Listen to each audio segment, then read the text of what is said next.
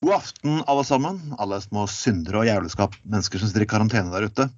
Det er Trond Vatne Tveiten, og siden du hører min stemme, så vet du at det er gutta på gulvet. Eh, ja, hvorfor lage en podkast midt under en koronakrise? Jo, for det er midt under en koronakrise. Og som alle vet, så skjer Amageddon, eller rettere sagt en pandemi, kun hvert hundrede år. Jeg syns det er på tide å holde et folkeopplysning og være litt alvorlig, men samtidig også ha litt eh, spøk og humor oppi dette her. Hvordan, hvorfor det? Jeg, jeg har lært, jeg har lært meg to ting i livet. Eller under to situasjoner har jeg lært meg at det trengs humor. For 20 år siden så jobbet jeg på en avdeling for gateprostituerte i Oslo. Det betydde at du møtte menneskene som opplevde det mest jævligste samfunnet kan ha å tilby. Men de damene, de holdt humøret oppe. Når jeg var i Bosnia, i Sarajevo, i 21, møtte jeg mennesker som hadde vært med av beleiringen av Sarajevo. Der har faktisk mistet mange av sine kjære. Men de folkene holdt fester og moro i undergrunnen. Alt var meningen å holde humøret oppe. Og det synes jeg er også viktig i den krisen vi er inne i nå. Det er å holde humøret oppe. Så da kan man egentlig spørre hvorfor jeg har invitert de to personene på podkasten som egentlig har gjort. Så er det én person som ikke har humørspreder. Så er det gjengangeren Kim Runar Gjensteli. God dag, Kim Runar. Hei, god dagen. Hva skjer? Nei, vi feirer korona, vi. vet er en koronafest. Dessverre så har jeg kun flaskegran, så jeg har da ikke ordentlig korona. Men greit nok, jeg skal på jobb i natt, så det går sikkert fint, det òg. Mm. Ok, noen, noen av oss har faktisk jobb fortsatt, det er ikke dårlig. Jeg er akkurat permittert.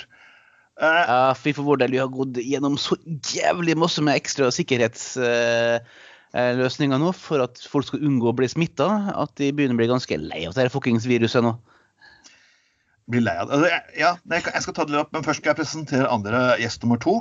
En, en tidligere samboer, Raymond Christiansen. Hallo, hallo. Jeg sitter faktisk her og drikker uh, Peroni. Italiensk pils. Italiensk pils? Vi må jo støtte opp en italiener, men hallo?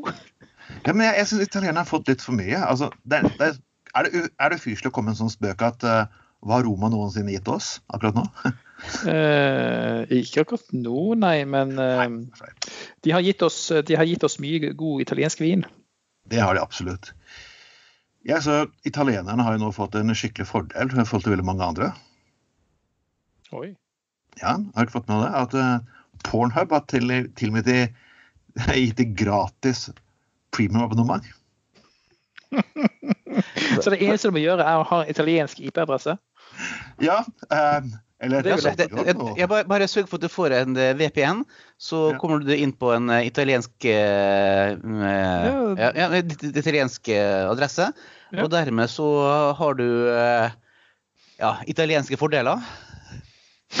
italienske fordeler. Jeg må jo si det jeg må si det Altså, for, for, for, all del, Pornhub er geniale når det gjelder markedsføring. Og dette er nok et eksempel på hvordan de klarer å lage en gimmick som gir dem masse oppmerksomhet. Og som eksempel så blir det nå tatt opp på Gutta på gulvet. Det er genialt, rett og slett. Men, vi, men du, Trond, vi må jo snakke om at vi faktisk alle tre har bodd sammen. Det er ikke bare jeg og du, det er jo hele gjengen i dag på ja.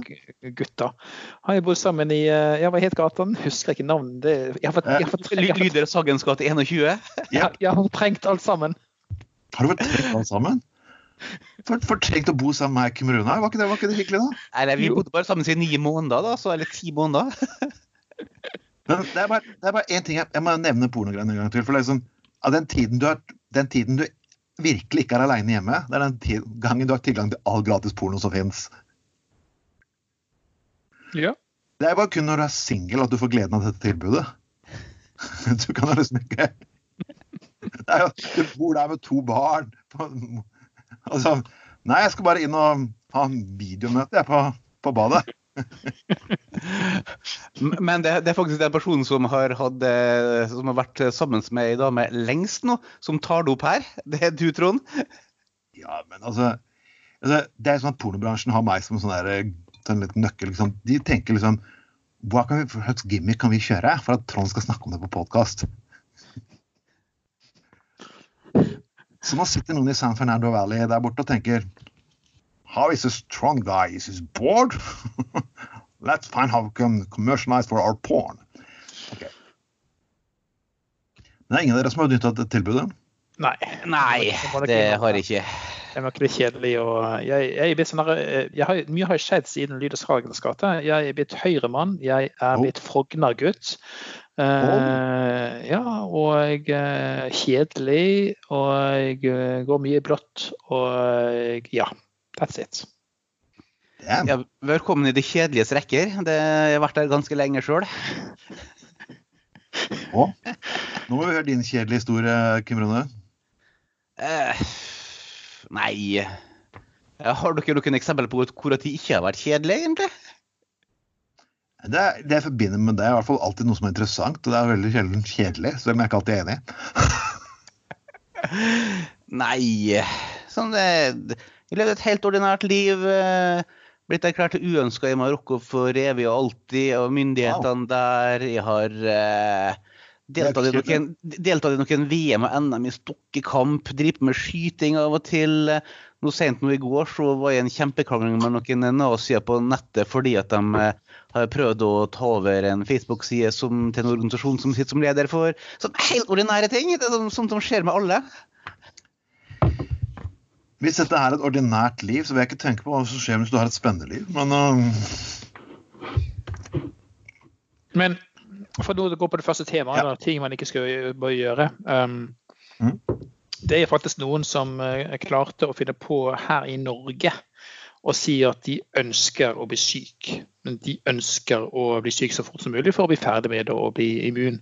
Det er nesten så like ille som disse iranerne som driver og sleiker oppover en eller annen eh, gitter fordi det er så heavy, og, og mener at eh, deres gud skal da eh, hjelpe dem. Eh, så de ønsker jo egentlig bare å bli, ja, ta, ta, all smitten inn i seg selv, og så skal deres gud hjelpe dere. Jeg, jeg forstår ikke den. Det er, no, det er noe flere tilfeller hvor folk har arrangert egne koronapartys òg, Her i Oslo, eller jeg bor i nærheten av Oslo. Hvor det har vært en, en, del eventer som jeg har fått med. Hvor at folk har bare møttes da. For, å, for de har plutselig fått fri. De har penger på konto, og de er, de er ikke kronisk syke, de er ikke gamle. Og det er litt den logikken der òg, at eh, det er forholdsvis små sjanser for, for, å dø av det her. Spesielt hvis du er i en, eh, en gruppe som er ung og i utgangspunktet ganske frisk. Det er snakk om 3-4 eh, av dem som får den sykdommen, som, som, dør. Noe som er ganske masse sammenlignet med vanlig influensaepidemi, som er ca. 0,1% som stryker med. Men eh, det er hovedsakelig folk over 50, og spesielt dem over, 80, som er utsatt for, eh, for, for å dø av koronasmitte. Men så er det også naboen din som har astma, og så er det kanskje en annen nabo som har en annen underliggende sykdom.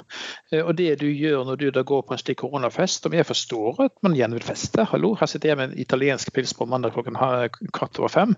Men, men, men greien er jo at i det øyeblikket du ikke vet at du er smittet fordi du er symptomfri, og du går hjem til bestemor på besøk på, på, hos bestemor eh, på 85 og gir det til henne da dør hun. Da er det ikke så kult lenger.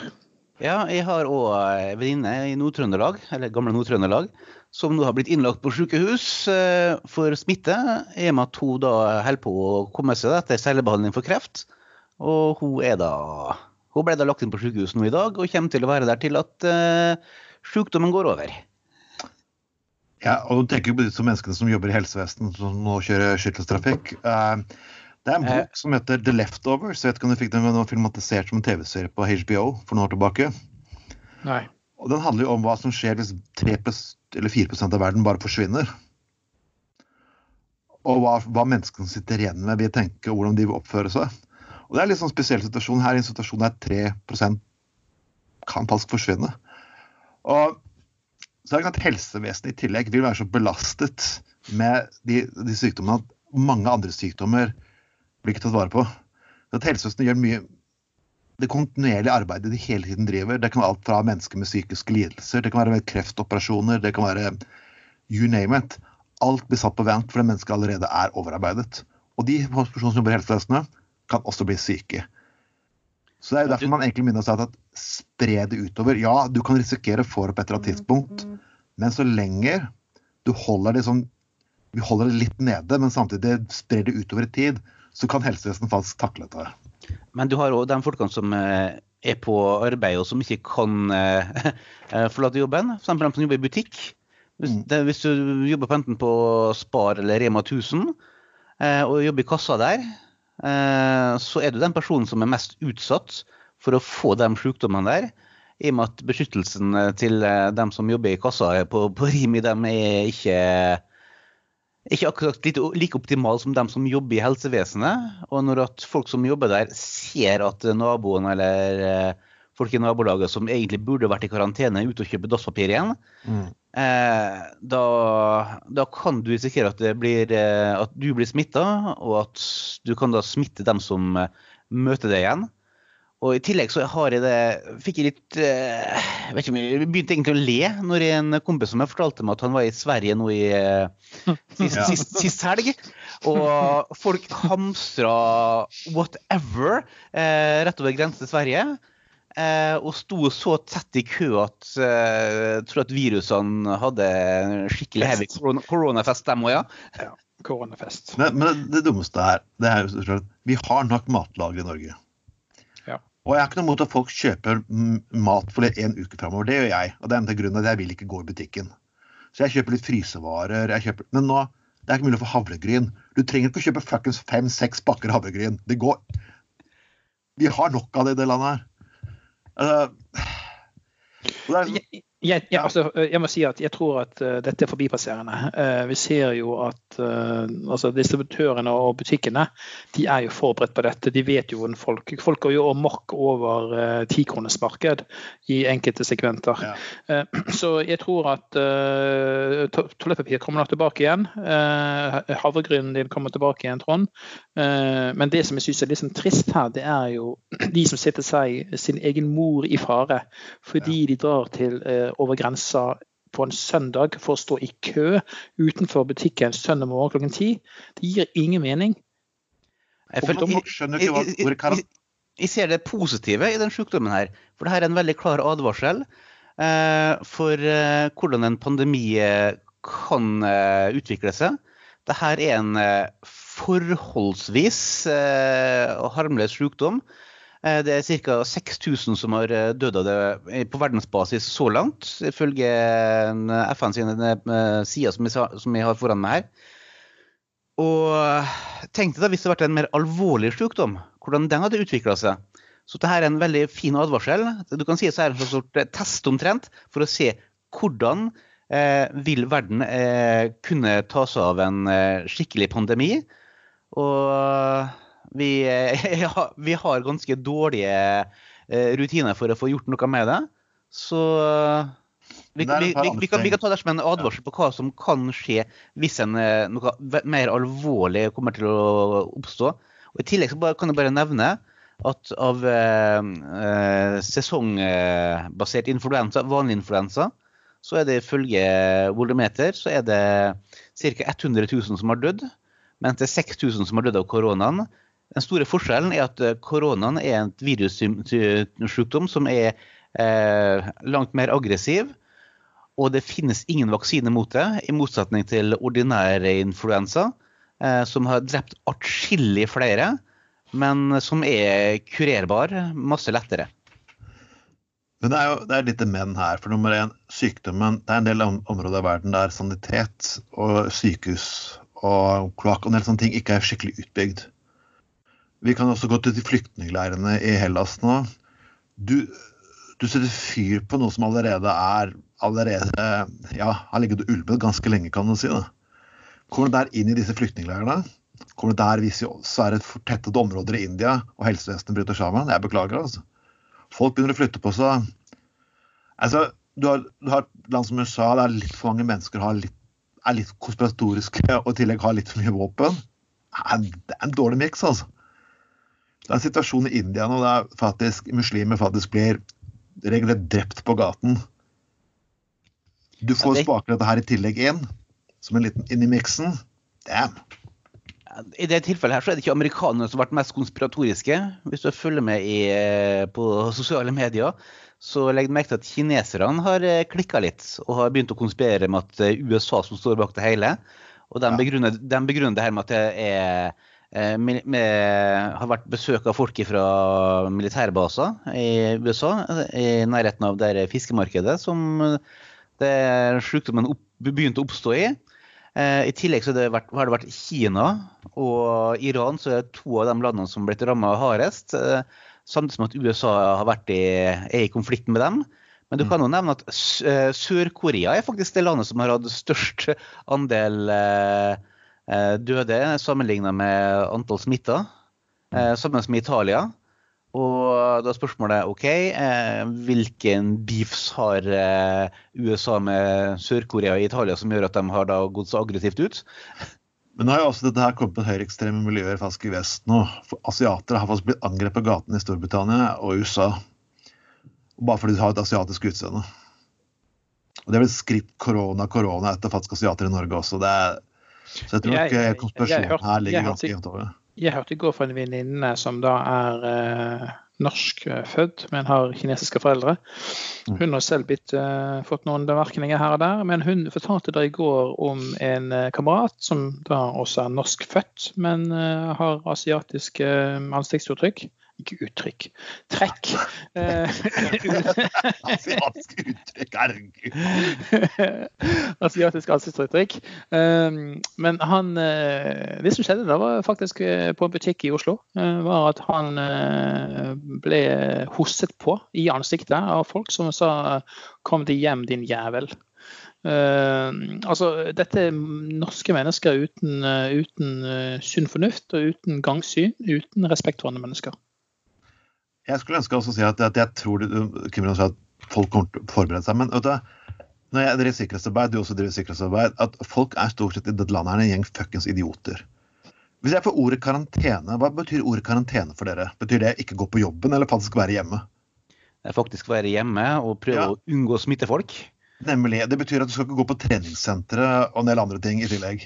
Ikke sant? Vil, du vil oppfatte karantene på den måten der. Eller, eller hytta. Ja. Det at, faktisk, det at du faktisk, må ha regjeringen til å gå faen ut og fortelle at du ikke skal reise på hytta At du ikke skal overbelaste Kvøkkens kommune som Hemsedal sitt forbanna helsevesen. Det burde være selvinnlysende at det er nesten på grensen til patetiske. Jeg husker fremdeles tilbake på 80-tallet hvor vi fantaserte om hvordan verden kom til å se ut i 2020 med flygende biler og uh, whatever. Uh, men faktum er at i 2020 så er regjeringen nødt til å gå ut og informere folk hvordan de skal vaske hendene sine. det, er, det er faktisk helt det er, havnet, det er, faktisk havnet på ja, det er, havnet på, det er det, det, er det nivået vi ligger på nå. Men kan vi snakke litt om uh, vår kjære, kompetente ledere i landet, som, mm. uh, som uh, vår helselederen, som jeg aldri husker navnet på, Bjørn et eller annet, han, ja. han gikk med på at en, en, kollega som hadde vært i Spania, fikk fritak eller unntak fra en karantene fordi han er så viktig for landet. Som om, det, som om dette viruset bare sånn derre Å ja, nei, han er så viktig. Nei, han skal vi ikke hoppe, hoppe på. Det, det er viktig poeng du har der. Det, det gir ja. ingen mening uh, at, uh, at uh, man har unntak bare fordi noen har en viktig stilling. Det gir ingen mening for meg. Nå har jeg da på lørdag hva det 30 eller 40 i Helsedirektoratet og Folkehelseinstituttet som måtte i karantene, inklusive Camille Stoltenberg. Gir ingen mening som helseminister Mæland hun gikk nå ut i en pressekonferanse for, for to dagers tid siden, imens hun satt i karantene. Eh, ut på en pressekonferanse for å informere folk om at eh, hvis at dere eh, bryter karantene, så kan dere havne i fengsel. Samtidig som at hun brøt karantena sjøl. Ja, men, men, det, det, men, det, men, jeg så faktisk en, en intervju med henne om det. da, og hun, hun mener jo selv at hun er innenfor, og hun, altså man, kan, man, kan, diskutere det i, i det uendelige. Uh, men det jeg tenker der, er jo at Hvilket signal sender det både, det, både henne og uh, folkehelselederne? Hvilket signal sender det egentlig når man gjør sånn? Får man da befolkningen til å lettere lytte på det de sier? Når, uh, når Folkehelseinstituttet trodde at maksimalt 100 skulle bli smittet før påske, hvor kom det fra? Ja, hvilke, hvilke risikoanalyser gjorde det på det? Vet vi at denne smitten bare er eh, dråpesmitte, eller eh, kan det være luftsmitte? Men I det, det er... tilfellet her så vet vi at det er en variasjon over influensaviruset, og vi vet hvordan influensa eh, smitte til andre folk. Så det, akkurat det er veldig kjent. Men man har gjort eh, ganske grove feilvurderinger på hvem som kan bli smitta, og ja, hvordan folk kommer til å oppføre seg ved ei smitte. Og vi skal, vi skal, være glad for at det ikke er mer, eh, en mer aggressiv eh, form for sykdom som har spredd seg nå. For, for, vi slett, for, vi har rett og slett, strøket til eksamen. Vi var klar over det her kommer til å skje. Altså, når, når kineserne stenger ned en by på 11 millioner mennesker og, og Beklager italienere, men når det, kom, når det, kom, til Italia, så skjønte jeg allerede da Da gikk jeg i butikken og begynte å handle på Italia og orden? Nei. Men Sorry, det... det er et stygt sak på de italienske myndigheter. Men et land som har hatt 45 regjeringer etter 1945, det er ikke mye stabilt styrt. Ja, men du ser på hvordan de har håndtert det i Kina. Først så prøvde de å ignorere problemet. Og den legen som gikk ut og oppdaga det her først, eh, han ble da eh, såpass heftig ignorert at han ikke fikk den medisinske hjelpen han skulle ha fått, selv om han var lege, og endte med at han døde av det. Og da svarte kinesiske myndigheter med å totalt overreagere. Jeg har sett bilder på, på nettet hvor de har eh, tatt og sveisa igjen eh, dørene til folk som eh, er smitta. Eh, de har eh, eh, digre hauger med grus foran inngangsdøra for at de ikke skal klare å komme seg ut. Det er folk som har vært nødt til å be naboene sine om å kjøpe inn mat til dem, så de kan da frakte penger og mat opp og ned via kurver som går opp og ned med snor. Så det er fuckings vilt hvordan kinesiske myndigheter plutselig gikk fra å totalt ignorere det til å, til å gå fullstendig over styr andre veien. Men, men, la oss se på Shanghai, da. Shanghai er jo nå en, eh, en by på flere millioner mennesker som faktisk har, eh, har klart seg uh, gjennom dette. Sør-Korea er jo også ganske strenge med sin befolkning. De er ikke så nazi som Kina eller Singapore. Singapore er jo en diktaturstat. men, men Sør-Korea har jo mye strengere enn selv altså Mitt inntrykk er at de gjør mye mer enn selv vi gjør her, nå vi gjør her i Norge. Eh, på noen fronter. Altså når, når, eh, disse første flyene kom, det var lørdag eller søndag, første flyene kom eh, og skulle bli, skulle bli sendt i karantene, så de som kom, to, da tok imot de, de hadde da ikke ja, full maske og alt det her, hadde litt utstyr, men sånn der, så, man, man behandler det som om det bare er dråpesmitte, og vi vet det. Men for å si det sånn, det har noe med folkekultur å gjøre her. Når jeg faktisk, når jeg drev med som sikkerhetsarbeid eller lignende, så jeg forholdt meg til ulike turistgrupper. Og når jeg forholder meg til japanere, f.eks., og skulle gi de en klar beskjed på hvordan de burde gjøre sånn og sånn, så gjør de det faktisk uten å mokke. Når jeg skal forklare nordmenn det å nei, å, nei, men jeg har lyst til å ta meg, ta meg en røyk der. Eh, sikkerhetssperring. Å nei, jeg så ikke den. Det kan ikke være så farlig. Så det er liksom en forskjell på hvordan mennesker også reagerer. Altså, det er, mm. altså, du kan det, du ser bare hvordan det er i Japan. Og så er ikke at Japan er perfekt samme. Det er vanvittig mye ting der i forhold til rettssikkerhet og lignende som ikke er helt bra. Men går du ut og forklarer melding til folk at sånn og sånn må vi gjøre nå pga. sånn situasjon, så klarer de faktisk å gjøre det. Du klarer å holde rent i en by med 12 millioner mennesker. I Norge klarer du knapt nok en by med 270 000. Det har noe med at i enkelte land så har de en mer hierarkisk orientert og mer disiplinert jo. kultur enn du har i Norge. Nei, det er ikke det det dreier seg om her. Det dreier seg mer om meg, meg, meg-kulturen. Når det bor 11 millioner mennesker tett, så, bare, så skjønner mennesker også det at vi bør kanskje ta litt forbanna hensyn. Norge, det, jeg har hatt så mange situasjoner der jeg måtte overholde sikkerhetsbestemmelser og krangle med folk på det mest idiotiske på jernbanen jeg jobbet der. Sånn, ja, jeg får, får jeg ikke lov til å gå over den sikkerhetssperringen? Ja. Jo, for det er faktisk masse kabler borte full av strøm. Derfor, har vi, derfor er sikkerhetsbestemmelser. Og det blir kalt nazi, og det er det ene og det andre. Altså, det vil aldri skjedd i Japan. Og det er liksom Det har liksom Ja, det har noe med kultur å gjøre. Den, den folkelige kulturen i det landet her er rett pinlig. Og da vil nordmenn alltid stryke når det kommer til sånne tester på et eller annet felt. Jeg beklager, jeg har lite tro på det norske folk mange ganger. Ja, jeg er litt uenig med deg der. For eh, jeg har hatt en del kontakt med både sørkoreanere og nordkoreanere. Og jeg legger merke til at eh, selv om de har veldig forskjellig politisk system, så er veldig masse av innstillingene det samme. At man skal respektere de eldre, man skal gjøre som man får beskjed om, osv. Og, Og den der eh, innstillingen man har i Norge, det er ikke sånn meg, meg, meg. Det er mer, sånn, det er mer en slags egen selvstendighetstankegang om at eh, jeg skal ikke ta imot ordre fra andre folk. Jeg skal prøve å snike meg unna og være meg sjøl litt. Og den, den, greia har du ikke, verken i Nord- eller Sør-Korea. I Nord-Korea er det litt mer strengere håndheva myndigheter. Men, men, men, det henger fremdeles veldig masse igjen i folk i det sørlige Korea også. Litt. Det var morsomt. Ja. Nei. Nei, det var, bare, det, bare, det var bare det Kim Rune sa, med sånn litt mer strenge i Nord-Korea. Litt mer strenge. Det er diktatur. De får ikke lov til å komme verken reise fritt ut eller inn. Så liksom sånn Jeg beklager, men OK. Eh, Sør-Korea er kanskje et bedre eksempel. Det er litt mer strengere. Uh, vi må gå tilbake. Ja. ja men prøve å ta det litt mer på, på norske forhold, kanskje? At uh, det var et der opprøret uh, nå i helga på, på, Stortinget. Man fikk sørga for at uh, vi fikk litt bedre vilkår, vi som er arbeidsfolk ved at uh, i stedet for at de skulle få, uh, få en åpning da, for å permittere folk uh, og kun betale lønn i to dager, i motsetning, og deretter sø, begynne å søke om kompensasjon på noen og 60 lønn fra Nav, så har de klart å utvide det fra 14 dager, som det har vært til nå, til 20 dager. Eh, hvor de har eh, mener at eh, offentlige myndigheter skal steppe inn etter to dagers tid. Nei, etter, etter 20 dagers tid, og assistere dem som har behov for det.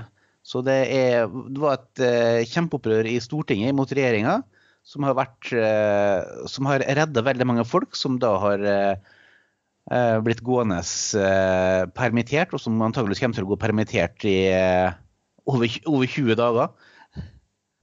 Det er litt morsomt. Jeg satt og så disse redningspakkene, og jeg, jeg, jeg, ble litt irritert. For dette her var noe som også skjedde under eh, når Obama skulle gi redningspakke til bankene. Nå ser jeg Kjell Inge Røkke er villig til å dele ut utbytte samtidig mens han skal ha, få støtte fra staten for å opprettholde driften sin. Eh, da mener jeg det er litt sånn fuck you til det norske samfunnet. Altså, jeg syns at bedrifter skal få, få støtte, de som er faretruet, men da får de faktisk være litt holde tilbake holde tilbake sjenerøse utbytteordninger. altså. Ja, men Det var lagt frem med et forslag i Stortinget i forrige uke. Det var ja. kun SV og Rødt som støtta det forslaget om at de bedriftene som får statlig støtte via den krisepakka som ja. ble lagt frem, at de skulle forplikte seg til å ikke ha, eh, betale utbytte eh, for, for, resten av året, imot at de da får den eh, får den støtta. For eh, det vil være et veldig feil signal at de på ene sida får statlig støtte for å holde hjulene i gang, og samtidig eh, betaler aksjeutbytte til eh, eierne. Samtidig mens de ber også vise moderasjon. Ja. Akkurat. Det er, alltid, det er, alltid, vi som skal vise moderasjon. Er ikke det morsomt? Ja, det, det, det, ja, det er oss vanlige folkene som blir nødt til å vise moderasjon, mens de på toppen de lever i en litt annen verden. De, de eh, må få høye lønninger og ekstra frynsegoder fordi at de er så innmari flinke til å lede, tror de sjøl. Jeg syns det er viktig en ting at man klarer å finne felles politiske løsninger, og at man klarer å eh, at man klarer å samles på, på, på tvers av partigrensene. For det som skjer i USA nå, det er, det er bare trist. Ja, som, Når det er en krise, så klarer man å lage politikk ut av det. Ja, Som du la merke til i 2008, eh, da General Motors eh, måtte få stor statlig støtte for å holde hjulene i gang. De utbetalte eh, eh, til sine eiere omtrent det samme eh, som de fikk i statlig støtte. Og argumentasjonen deres var at eh, nå har de stakkars eierne av bedrifter blitt såpass pressa Heldigvis kom staten og hjalp oss. Mm. Og i og med at de klarte å holde, ha is i magen og holde på aksjene sine og unngå at uh, aksjeverdien falt så veldig, så fikk, ble de da belønna med den samme summen som de hadde fått i statsstøtte. Jeg skal lese en liten tweet her. Jeg skal iallfall lese deler av den. for Jeg, orker, jeg, jeg klarer faktisk å lese hele den. Dette er fra Carl I. Hagen eh, for noen dager siden. Vil du høre?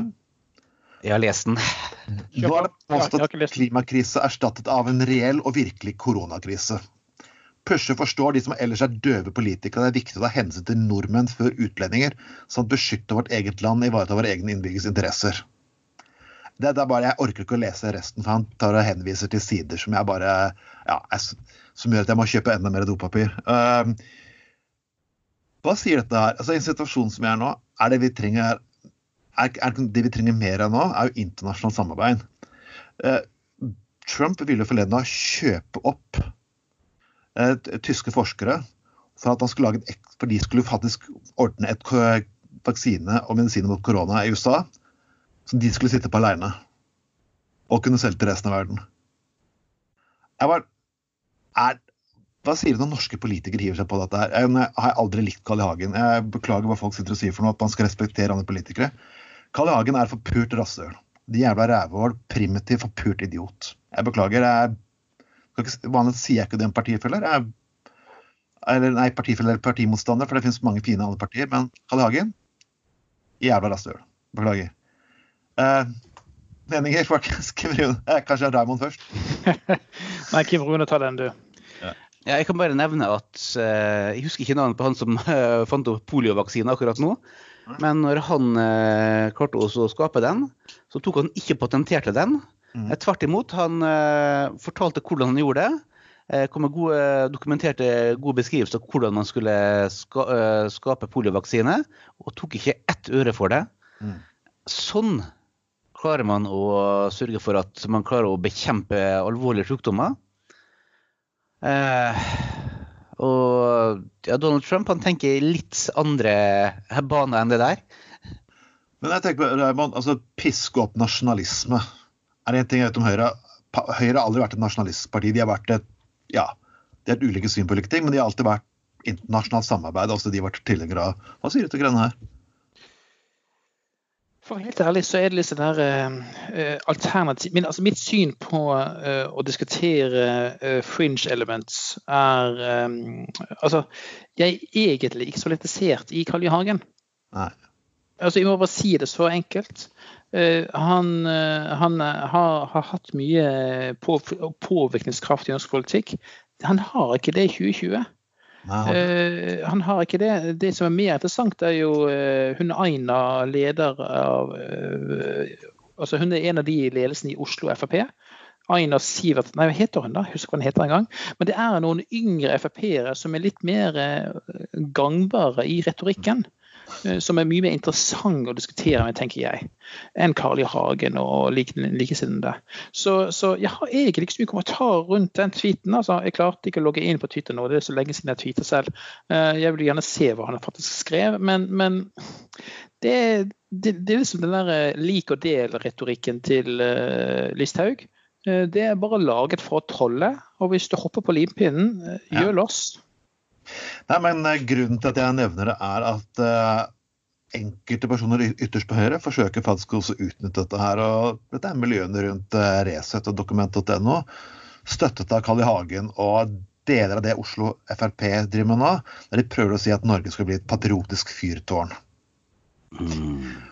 Og jeg, jeg, jeg, tok, jeg, tok, denne biten opp fordi ja, jeg er tilhenger av mer internasjonalt samarbeid, bl.a. EU. Jeg vet at jeg er uenig i den kiveren her, men allikevel. Men altså, jeg bare sier at hvorvidt internasjonale organisasjoner bør styrkes, ikke svekkes, og internasjonalt samarbeid bør styrkes, ikke svekkes. Uh, det kommer alt fra forskning til veldig mye annet. Som når det gjelder internasjonalt samarbeid, så må det absolutt styrkes. Men man husker at verden er større enn EU. Deriblant Kina, Australia, Storbritannia også etter hvert. Eh, så vi må ikke bare tenke kun eh, felleseuropeisk, men òg tenke på hele verden som én en enhet. Og det er det, som, eh, ja. det er det som viruset har lært oss nå. Vi kan ikke prøve å isolere oss sjøl vekk fra viruset. Det, vi har en åpen verden, og jo mer åpen den er, desto bedre er det. Mm. Det tror jeg skal prøve å Ja, nei, Raymond? Nei, jeg er enig. Altså, det vi må gjøre, er jo samarbeide. Eh, det vi må gjøre, er jo å lære av eh, hva de andre gjør. Vi har jo i Skandinavia, vi er så heldige i Skandinavia at vi har et veldig tydelig A-B-test mellom A, Danmark eller Norge, og B, Sverige. Måten de to regjeringene i Danmark og Sverige har møtt denne krisen på, er ganske interessant. Ja, England, altså UK, var jo inntil for nylig litt sånn der ja ja, la oss alle gå til hestevedløp i helgen og kose oss. I går, Hvor mange som døde i går? 15-20 på én dag. Nå begynner de å våkne. Jeg lurer på når Sverige kommer til å våkne, hvis de kommer til å våkne. Ehm, etterpå kan vi jo sammenligne grafer, eh, se hvordan Sverige gjorde det versus Danmark. Men jeg synes faktisk at eh, det er veldig interessant det her med at eh, ja, nå får vi lært av hvordan land faktisk reagerer, og kanskje lære til neste gang. Det må kunne påvirke. Jeg tenker at Nå har du en konservativ regjering faktisk i Storbritannia. Du har en konservativ regjering i USA. Jeg vil ikke kalle det konservativ, dette er ekstremvarianter altså, av konservatisme. Dette er ikke Merkel, dette er ikke Solberg, altså lignende. Men du har veldig, veldig sånn nasjonalistiske folk på høyresiden som har styrt både Storbritannia og USA. De styrer Polen, de styrer Ungarn. Hva kan, det, hva kan resultatet etterpå, når liksom den sterkeste retorikk ikke ser til å funke? Det er problemet med både med demokrati og autoritære styreformer det er at autoritære styreformer, eh, hvis det er en kunnskap på toppen, eh, så vil det være ekstremt effektivt. For da klarer man å overkjøre opposisjonen eh, på alle mulige vis. Demokratiet det går langsommere, er mer ineffektivt, men da kan alle sammen være med å bestemme. Og på, på, på de fleste vis så er Eh, demokratiet langt bedre, for da har du kun deg sjøl og, og, resten av samfunnet å legge skylda på. Men hvis du har et eh, system med én sterk leder, så vet du hvem som har gjort ting som er riktig, og hvem som har gjort noe gærent. Eh, og vi har lang historie med at autoritære statsledere har klart å få ting jævlig effektivt gjort. Og har, eh, de har tendens til å legge mm, store hauger med lik etter seg. Eh, men dog, eh, i motsetning til i dag, hvor vi har en del autoritære ledere som er totalt ineffektive. Og ja, som eh, i ettertid så kommer vi sikkert til å bedømme den perioden vi er på nå, som den tida hvor at de autoritære lederne ikke engang fikk til å styre effektivt engang. Jeg vil si at jeg er ikke helt, ikke helt enig. for jo, det, litt, det, spørs liksom hvordan politisk kultur også skaper. I Norge så er det kjent for å kunne samarbeide til høyre og venstre når ting går galt. Så MDG hadde et bilde ute der der liksom viste alle partiene på Stortinget at nå folk legger litt politiske debatter død og klarer å samarbeide. Og jeg sett også Siv Jensen har jo også opptredd ganske ansvarlig i denne debatten her. Selv om jeg ikke er enig med henne politisk, har hun det. Det er, det er bare ytterpunktene i partiene som har opptredd som en gjeng idioter. Men du har hatt en høyreside som, som har som i Storbritannia har vært et demokratisk parti som nå opptrer rimelig autoritært. Du har et parti som partier i, demokra i, i, demokratier som har begynt å opptre mer og mer autoritært og prøve å dra landet i en autoritær retning. Så jeg vil si Det er litt, sånn litt forskjell. Ingen av partiene på verken høyre- eller venstresiden i Norge har begynt å utnytte stasjonen eller lignende stasjoner til å dra landet i enda mer autoritær retning. Du kan være uenig i politikken, men totalitær regime har alle demokratiene i, i Skandinavia forsøkt å bli. Jeg syns at den måten som at regjeringa og Stortinget har eh, i samarbeid eh, prøvd å få, få, gjort noe med den krisa vi er nå, har vært rimelig OK tross alt. Eh, til tross for at det Problemet er ikke regjeringa, problemet er ikke Stortinget. Problemet er at vi ikke har et system innenfor helsevesenet og mentaliteten til folk er ikke satt opp til å håndtere en pandemi. Eh, jeg vil påstå at det vi har nå Jeg vet at det, Verdens helseorganisasjon har kalt det for en pandemi. Jeg er uenig i det. Jeg vil si at en pandemi er noe som er atskillig mer dødelig enn det her. Det her er en som 4% av dem som er smitta, eh, de dør. Det er et stort tall. Men hvis vi snakker om pandemier, så må det være langt kraftigere. Så jeg vil påstå at dette er en, i beste fall en lett pandemi og en test på hvordan vi kan håndtere det her. Og det der muddling true-systemet som vi har i Norge nå, som er frustrerende, det, det, fungerer på et vis, men bare på et vis. Jeg må, jeg, jeg, må komme. Liten kommentar. Eh, altså nå, nå, kommer jo verdens WHO kommer ut nå og sier at eh, alle mistenkte tilfeller av eh, covid-19 må testes. Og Norge har jo nå ganske lenge, egentlig hele tiden, sagt hvis du ikke har de og de eh, symptomene, eh, da skal du ikke testes. Altså Den kjente Ullevål-legen som fikk nei fra bakvakten. Nei, du skal ikke testes, gutten min, fordi du har ikke vært i det området i Italia de er stupid. Eh, jeg er faktisk enig med WHO. Vi skulle vært mye mer aggressive i Norge på å teste. Massetesting av folk. Eh, og ikke bare de som har eh, seks-syv kriterier. Altså, når, når, vi tirsdag forrige uke fikk det første eksempelet på ukjent opphav på en splittelse i Oslo, spytting eller hva det heter, da er jo hele ballgame endret. Det har endret jo alt. Eh, og da må man jo tenke nytt. Så jeg mener faktisk at vi her i Norge har driti på, driti på bæsja på leggen eh, ved å være for passive. Eh, det kan godt være at Sverige viser seg å ha rett. Da eter jeg gjerne mine ord. Gjerne. Eh, all, eh, mer enn gjerne. Men, men, slik det ser ut nå, så, så, så, må vi være mye strengere. I forhold til, i forhold til hva si, eh, diktaturstat osv. Eh, det at vi i Norge pga. personvernet, og jeg er veldig stor tilhenger av personvern, eh, at vi ikke får godt nok sjekket opp hvem kan vedkommende som er smittet, ha vært i kontakt med. Problemet er at Problemet er, Du har et veldig godt poeng, men problemet er at vi ikke får etterpåklokskap før at ting er over. Og først da kan vi gjøre en god analyse av hva vi har gjort godt og hva vi har gjort gærent. Sør-Korea kom før Norge. Sør-Korea hadde en annen strategi. Eh, ja, vi kan være etterpåkloke og, peke på etterklokskapen, men poenget er jo å lære av det. Jeg vet jo ikke engang om vi lærte av 22.07. Ja, det, ja, det, det er poenget som jeg berømte for at du eh, hadde helt rett òg. Som, eh, vi vet ikke helt uh, hvordan man skal håndtere situasjonen før etterpå. Og da kan man forberede oss på, på neste krig, for de fleste kriger de blir planlagt basert på hvordan forrige krig var. Det samme gjelder pandemier òg. Vi har, har hatt en krise nå. Vi har en krise nå. Og så kan vi i ettertid se var det Danmark som hadde rett, var det Norge som hadde rett, var det Sverige som hadde rett, var det Sør-Korea som gjorde, hadde den rette strategien. Og så kan man lære den strategien der. Eh, og være bedre forberedt til neste gang. For eh, situasjonen nå er at vi ikke var forberedt, og da, da er vi her.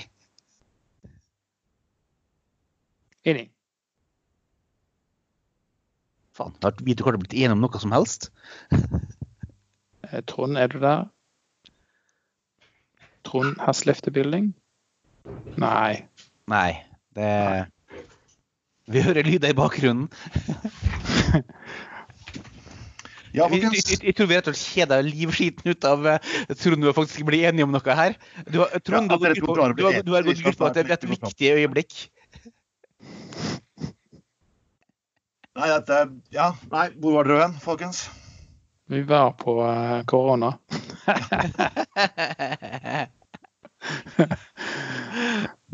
ja, nei, eh, Trond, du må jo følge agendaen din. Eh, jeg vet ikke hvor mange agendapunkter du har igjen, men eh, det er mye å diskutere.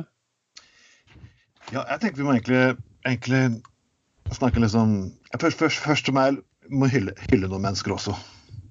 Vi må hylle de menneskene som faktisk jobber i denne krisen her. Uh, helsevesen, ja, brannvesen, politi, alle de menneskene som egentlig faktisk konstant nå sitter og gjør, gjør, gjør en jobb mens de andre er syke. Jeg har en søster selv som jobber i helsevesenet, og to andre familiemedlemmer som også jobber i helsevesenet, så jeg ønsker lykke til til de. Uh, men folkens, vi må ha det litt moro også. Hvor langt kan vi kjøre humoren? Det er jo spørsmålet. Vi, vi er jo blitt så politisk korrekte i forhold til uh, krenkbarhet at uh, det, det, er veldig fort at man faktisk uh, sier noe feil. vi husker, hvem var, det, hvem var, det, som hadde Jo, det var han radio, radiomannen for P3 eller hva det var, som hadde sagt skulle gjøre narr av rasister. Oh. Det, ja, det er jo bare noen måneder siden. Og han ble jo, han ble jo utskjelt i flere uker. Eh, etterpå. uh, for de han gjorde det. Uh, jeg tror at i de øyeblikket du går litt for langt altså Vi kan alle gjøre narr av folk som hamstrer toalettpapir. Ja. det er enkelt, og det er ufarlig. Men i det øyeblikket du gjør narr av andre ting som er mer touchy, da vet jeg ikke hvordan, hvordan samfunnet reagerer. Så det blir sånn pingpongball. Plutselig får du en bank fra siden. Mm. Altså, ja, som jeg har vært frustrert over lengre tid over uh, hvor lettkrenkbare uh, folk har blitt nå, sammenlignet med for en 20-25 års tid siden. Da hvor man faktisk hadde, man hadde masse flere komikere som turte å pushe grenser for hva som var lov å si og hva som ikke var lov å si. Men nå har vi, har vi en ny generasjon av yngre folk, dessverre vondt og vondt, eh, som har blitt såpass lulla inn at de eh, ikke tåler å møte motstand. De tåler ikke møte konfrontasjon. Mm. Og dermed så, Tidligere så hadde du problemet med at eh, du hadde den der religiøse mm, kristenfundamentalistene da, som eh, mente at eh, rocketekster skapte satanisme, eh, tegneserier var, var veien til all ondskap, videovold var det verste i verden, osv. Som alltid så kom de fra det ytre høyre, de der gærne tullingene da, som prøvde å sensurere alt. Det som er nytt nå, er at nå, det, for, nå har det blitt venstresida, eller det såkalte venstresida, det de kaller for det, det, regressive venstre, som har blitt de eh, største promoter, som, som, promoterer sensur. Eh, og det er en ny situasjon, eller forholdsvis ny situasjon for meg de siste underkant av ti årene at vi ikke lenger har eh, ytre høyre-elementer som, eh, som, er bremseklossen for, eh, for, for, for, ytringsfrihet. Nå er det faktisk venstresida som er det største problemet i kampen for større frihet for å si hva man føler for. Jo, men jeg, bare for å arrestere den. Før så kunne ikke alle mennesker bare skrike ut alt det du føler for. Nå kan jeg starte en podkast sittende her på meget forbanna kontor. Du sitter, dere to sitter i Oslo. Det, var, det er teknologi igjen som ikke var mulig for 10-15-20 år tilbake. Alle kan lage en nettside og få se det ut som en seriøs avis. Alle, folk kan kalle seg terapeut, eksperter på alt mulig annet. Og hver lille forbanna ting som folk, hver lille fjert som kommer ut av folks eh, kropper, så blir faen meg dokumentert. Så det er alltid noe som blir dokumentert, og alle folk leter etter den nærmeste skandalen 24 timer i døgnet. Så ja, det var ikke mindre færre folk som ble fornærmet før. Problemet bare var at alt ble faen ikke kjørt opp som en faen stor mediasak. Og alle mennesker satt ikke og kommenterte på det heller. Nei, som jeg er veldig glad for at at har vært sutret i årevis. Du kan gå tilbake til eh, Al Gore sine rockehøringer på, på 80-tallet. Det skulle være liksom såkalte venstresiden i USA. Du kan gå tilbake til videovolddebatten på 80-tallet også. Da, da også eh, venstresiden også var pissesur pissesure like mye, like, like mye som KrF. Jeg husker det var Jon Michelet som ville forby dynastiet. og Det har alltid hatt mennesker som er fornærmet hele veien. Det ender ikke opp med å bli husket så godt, og alt blir ikke dokumentert. Og folk sitter ikke og leser og kommenterer på mobiltelefonen sine 24 timer i døgnet. Det gjør de nå. For alle folk har lyst til å bli sjokkert forbanna hele tiden. Det er ikke rart at folk overmisbruker alkohol, rusmidler og faen meg antidepressiva. Hvis du ser verden gjennom den linsen sånn her, så kommer folk bli fornærmet og ødelagt for meg 24 timer i døgnet.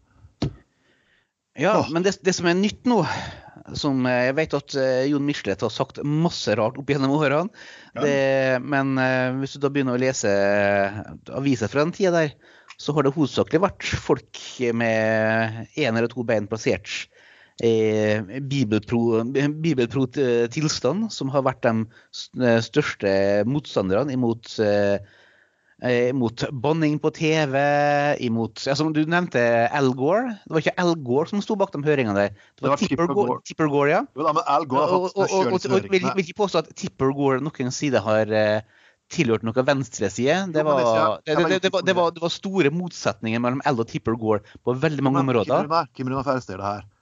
Al Gore var med å kjøre disse høringene. Ja. Han var med å kjøre disse høringene i Kongressen. Han trengte ikke å lytte til kona si. Akkurat der. Demokratisk men, men, men, men, det var, det var ikke Al Gore som, som var han som promoterte det her. Det var noen foreldreforeninger som Tipper Gore sto bak. Den PMCR De fulgte det her opp faktisk USA. De fulgte opp og kjørte disse høringene. Det stemmer ikke. Eh, det var hovedsakelig foreldreforeninga til Tipper Gore som var veldig konservativ, eh, med all respekt å melde, eh, som sto bak de høringene der. Al Gore var med på det her. Ja, ja det, det, vet vi alle sammen. Vi har alle sammen sett Didi Snyder, eh, hvordan, hvordan, han blir konfrontert av Al, Al Gore da, angående tekstet til at et, et bandmedlem hadde gjennomgått en øyeoperasjon, og han skrev en hyllest da, til den legen som, som, som, som, da utførte en operasjon der. Og Al Gore uh, antyda at den sangen der handla om sadomasochisme. Altså, oh, wow. ja, som, hvis du leter noe, så utrolig hva du kan finne.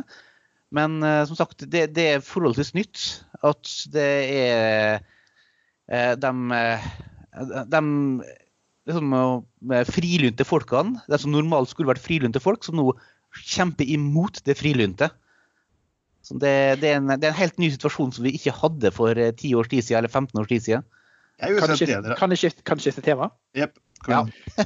um, to utfordringer jeg ser. Den ene ja. utfordringen er at vi nå blir så navnebeskuende Eh, og så opptatt av våre egne utfordringer at vi glemmer litt av verden. Mm. Vi glemmer de som faller utenfor. Vi glemmer rusmisbrukerne som blir kastet ut av eh, behandlingstilbud. Fordi eh, altså, det, det, det, er mye som skjer her i Norge også. Eh, jeg selv nå i går skapte en ny Spleis-kampanje eh, for eh, jasidier i Nord-Irak. Jeg har bursdag på søndag, så det var min måte å gjøre det på, istedenfor å gjøre det på Facebook. Mm. Samle inn penger til noen som bor i en forbanna flyktningleir og har bodd der i flere år. Etter at IS drepte flere tusen jasidier i 2014 og, senere. Um, det er det ene. Det andre er jo at jeg er ganske bekymret for de familiene som sliter mentalt hvor, hvor samholdet i familien er dårlig. Og de da skal bli gående oppå hverandre i dag etter dag hjemme. Det er ikke alle familier som har et like godt uh, familieliv som f.eks. vi har det. da. Ja. Uh, vi har ikke noe trangboddhet. Vi har én unge, ikke fem. Uh, og jeg er veldig bekymret for om, om de blir fanget opp, og om barnevernet blir informert. Um, så jeg tror faktisk mange, ganske mange barn i Norge kommer til, kommer til, å lide i denne situasjonen. Ikke fordi foreldrene ikke vil, men fordi de sliter selv mentalt. Uh, og det andre er at vi glemmer litt av verden. Mm. Som det som du nevnte angående at hjemløse har fått et eh, enda større problem den siste tida. Det at argumentasjonen da, til at de har stengt flere, flere hjem, da, hvor folk, eller sovesaler, er at det kan fort oppstå masse smitte der. Men når du stenger de sovesalene hvor at eh, hjemløse bor i, da bor de utendørs. Mm. Det, det, er ingen forbedring, det, akkurat. Det, det du, bare, du, bare, du, bare, tar fra dem det tilbudet de hadde. Det var lederen for Robin Hood-huset her i Bergen som foreslo at de kunne bruke hotellene. Ja, Marcos er en veldig god mann. Ja, veldig god mann. Og jeg, jeg syns faktisk at disse hotellkjedene nå ja, vist litt, vist litt ansvar. Har dere muligheten til å altså, altså, altså, eh, no, no, Nei, det, det, det, er veld, det, er veldig lett, det er veldig lett å, å le av rike, rike hotelleiere. Men uh, jeg ber dere vise litt sjenerøsitet i en sånn situasjon. Ja, men, skjer, ja, ja, for, ja, for, du opplever nå at uh, hotellene uh, sliter med, med at, de blir, at, de har masse ledige rom. folk blir permittert fordi at de ikke har altså de, Hotellansatte blir permittert for de har ikke kunder lenger. Eh, hvis at eh, bystyrene klarer å få, få de hjemløse sånn midlertidig inn på hotellene der, så har de da fått stoppa permitteringene. Og dermed sparer Nav jævlig masse penger. Og man har fått til en slags midlertidig løsning, da, et plaster på såret, ikke en vareløsning, på hvordan man kan få håndtert i en nødsituasjon eh, hjemløseproblemet eh, for en god del folk. Det, det, er ikke en varig løsning, men det kan hjelpe veldig masse. Det er litt sånn Gerhardsen-aktig, med at eh, alle sammen skal bidra og yte litt eh, for å få til eh, en, en, en, bedring for alle. Raymond, unnskyld at jeg avbrøt deg, men Nei, nei, jeg er ferdig, jeg. Ja. Nei, altså jeg, jeg, går ikke ut etter det rike, men det er ofte, det er ofte jeg har vært litt med på parkklubba, er at man ber folk å vise ansvar og vise moderasjon akkurat nå. Og da mener jeg faktisk at det gjelder absolutt alle i norske samfunnet. Da gir man etter det man har å, å kunne dele med. Uh, det, er, det, litt det. Uh, nå kommer regjeringens krisepakker overfor disse store selskapene, mennesker som allerede tjener godt, og de får, en de del av krisepakkene. Og det er helt riktig. Man skal gjøre ting for at disse bedriftene skal fortsette videre. Men jeg syns altså alle må gå litt gå et par skritt tilbake og så ofre litt. Og da mener jeg det må gjelde absolutt alle. Det er det mitt poeng er. Og da har du hotellkapasitet og kan, vise, og kan være med og bidra på den måten, så gjør du det. Ja, ja, du har to problemer som kan uh, fylle ut hverandre for å ja. stoppe ett et av problemene, eller fall kanskje begge to i beste tilfelle. Mm. Yes, folkens. Jeg vet ikke hvor lenge jeg skal holde på, men det har vært en lang og tidvis ganske god debatt. vi, må, vi, må, ha litt, litt, litt moro. Jeg, jeg, foreslår at uh, selvfølgelig den aksjonen som Raymond nevnte, vi kommer til å legge den med i kommentarfeltet under her. Selvfølgelig, Så folk kan være med og støtte til det. Ja, for, for jeg, jeg, jeg, jeg, fyller 42. 42? 42 er jo det magiske tallet. Yes. Eh, fyller, det er større for meg å fylle 42 enn å fylle 100 den, når jeg fyller 100 eller 50. 42, ja, så, 42 er tallet. Det er det, og det kommer til å si neste år det er 43 er tallet. Ikke for å frekk, men, eh, ikke være frekk, men jeg trodde faktisk at du var eldre enn meg. Trodde du det? Du som er eldst. Du er eldst. Det er deg og, sko og kapellmester Skoglund har jo ja, dere har begynt å bli litt hårløse med årene. Ja, og for all del, jeg støtter 100 opp om eh, din aksjon for jesidiene. For eh, det er ingen befolkningsgruppe som de siste 20-25 årene har opplevd eh, verre utvikling i livssituasjonen, for å si det slik. ved at uh, da IS gikk inn, så tok de og drepte alle menn og fanga alle damer og gjorde dem til sexslaver. Det verste sitt historie fikk høre, var ei som slutta å telle antall som voldtok over ca. 200. så ja, så det, det er et folkegruppe som har et eh, enormt behov for assistanse. Ja, og det jeg tenker å gjøre da, det er jo med, det, Jeg har jo bare 10 000 som mål. Uh, ja. min, min, forrige Spleis fikk jo inn 130 000 på en uke. Oh, damn. Det var uh, til Mortensen skole uh, i Oslo sør, som trengte utstyr til å gå på leirskole i Gudbrandsdalen. Um, så jeg samlet inn noen penger til det. Men nå er det betydelig mer ambis lite ambisiøst. Men poenget er jo at jeg ønsker jo å gi de litt jobb, da.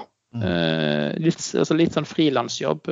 Ta noen bilder av altså Mange av de er jo analfabeter. Så jeg kunne gi de en jobb F.eks. en uke kunne jeg gitt en jobb og ta fem bilder av leiren og livet i leiren.